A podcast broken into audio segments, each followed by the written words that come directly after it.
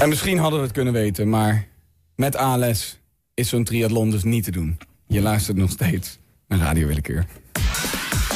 Een lijk in mijn kelder, schrik me de pleur. Politie, liggen! Radio Willekeur. Dan gaan wij er even uit voor het nieuws. Het Nieuwsjournaal. Ja, er was een heus luchtballonnenfestival in de binnenstad van Delft. Je vraagt je af, hoe doen ze dat? Gelukkig was onze Freek ter plaatse ter plaatse. En wij gaan ter plaatse naar Freek ter plaatse in Delft, de binnenstad, voor het luchtballonnenfestival. We staan hier op een eh, volle markt. Het is een enorm marktplein dat vol ligt met manden, heliumflessen en markkraampjes met souvenirs van luchtballonnen. Ik, heb, ik sta hier bij eh, een marktkraampje die zoveel souvenirs verkoopt. Ja, ja, daar zijn die heliumballonnen ook voor, de heliumflessen. Ja. Er zijn wel eens eh, reporters geweest die echt daadwerkelijk dachten... dat onze luchtballonnen ook op helium vliegen. Maar dat zou echt het domste ooit zijn. Dus de heliumflessen zijn voor de souvenirs. Ja, precies. Ja.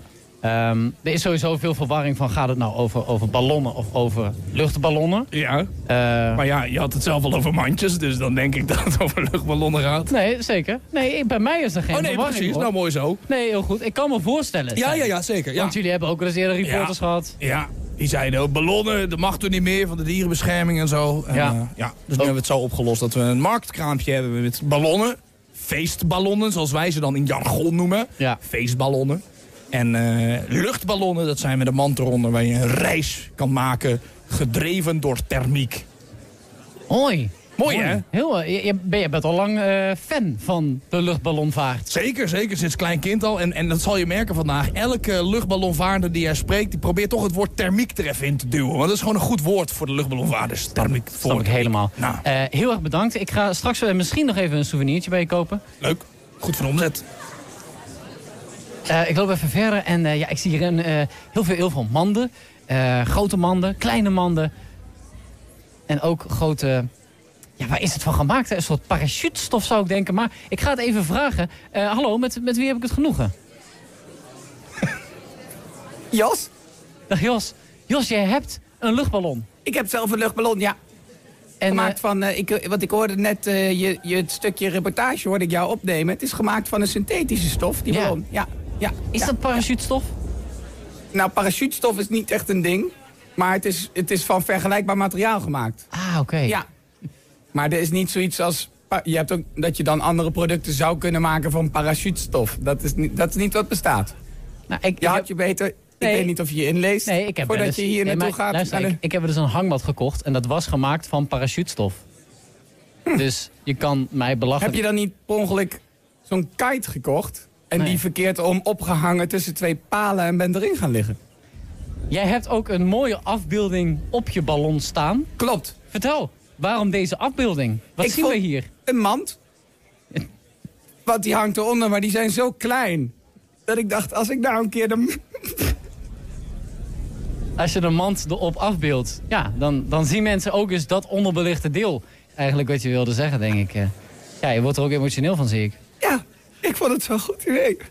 Ja, dat snap ik ook wel. En eh, hoe ga je precies omhoog met de ballon? Is er nog een bepaalde natuurwet? Dat heb ik. Dat weet ik heel goed. Ik loop even nog door naar een EHBO-post. Want eh, ja, het, Ja. Is, het is gewoon... ah, hallo? Hallo, van de drukte. Ja, ik zie op je naamkaartje... Annemiek. Annemiek, Ja, natuurlijk. Eh Annemiek, jij bent van de EHBO. ik ben van de EHBO, ja. Terwijl ik zou denken, als er een ongeluk plaatsvindt... Ja, is daar nog wel te redden. een drone. Ik heb een drone met een EHBO-kist. Die vlieg ik daar dan heen. Heb je wel Ah. ingelezen of niet? Nee, over dit gedeelte, dit wist ik niet. Oh nee, ja goed. Nee, we gaan met een drone gaan we daarheen. Dan vliegen we pleisters en, eh en eh, leukaplast en eh zwachtels. Ja, ja, ja. Maar ik, ik zou denken dat als mensen dan uit een mand vallen of zo... dat je dan ter plaatse moet zijn. Ja, maar dan heb je niet aan EHBO genoeg. Als mensen uit hun mand vallen, ja, sorry hoor. Dan eh, met de valversnelling die er heerst op aarde. Oh ja, want ze zijn natuurlijk helemaal de Heel hoog. gegaan. Ja, dan op een gegeven moment zit je op die eh, terminal velocity. Dan heb je gewoon de hoogste snelheid die je maar kan halen. Daarmee raak je de grond. Dat overleef je eigenlijk bijna nooit. Nee. Je hebt dit, heb je dit ook wel eens meegemaakt? Och, zo vaak. Ja? Ja, je maakt echt wat mee. Er gebeurt eigenlijk elke, elke luchtballon een dag wel een incident met iemand die dan, die dan zijn, zijn, zijn partner ten huwelijk wil vragen. Champagne meeneemt. Nou, Ja. klinken op het geweldige succes van Ja. het aanzoek. En dan toch kukelen. Ja. Hm.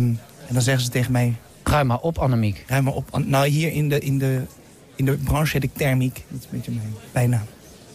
Maar dat zeggen ze wel, ruim maar op, thermiek. Goed, ik denk dat we allemaal een prachtig beeld hebben van wat luchtballonnenvaart inhoudt, wat voor mensen hier zijn en hoe dit hele evenement eraan toe gaat. We gaan weer terug naar de studio.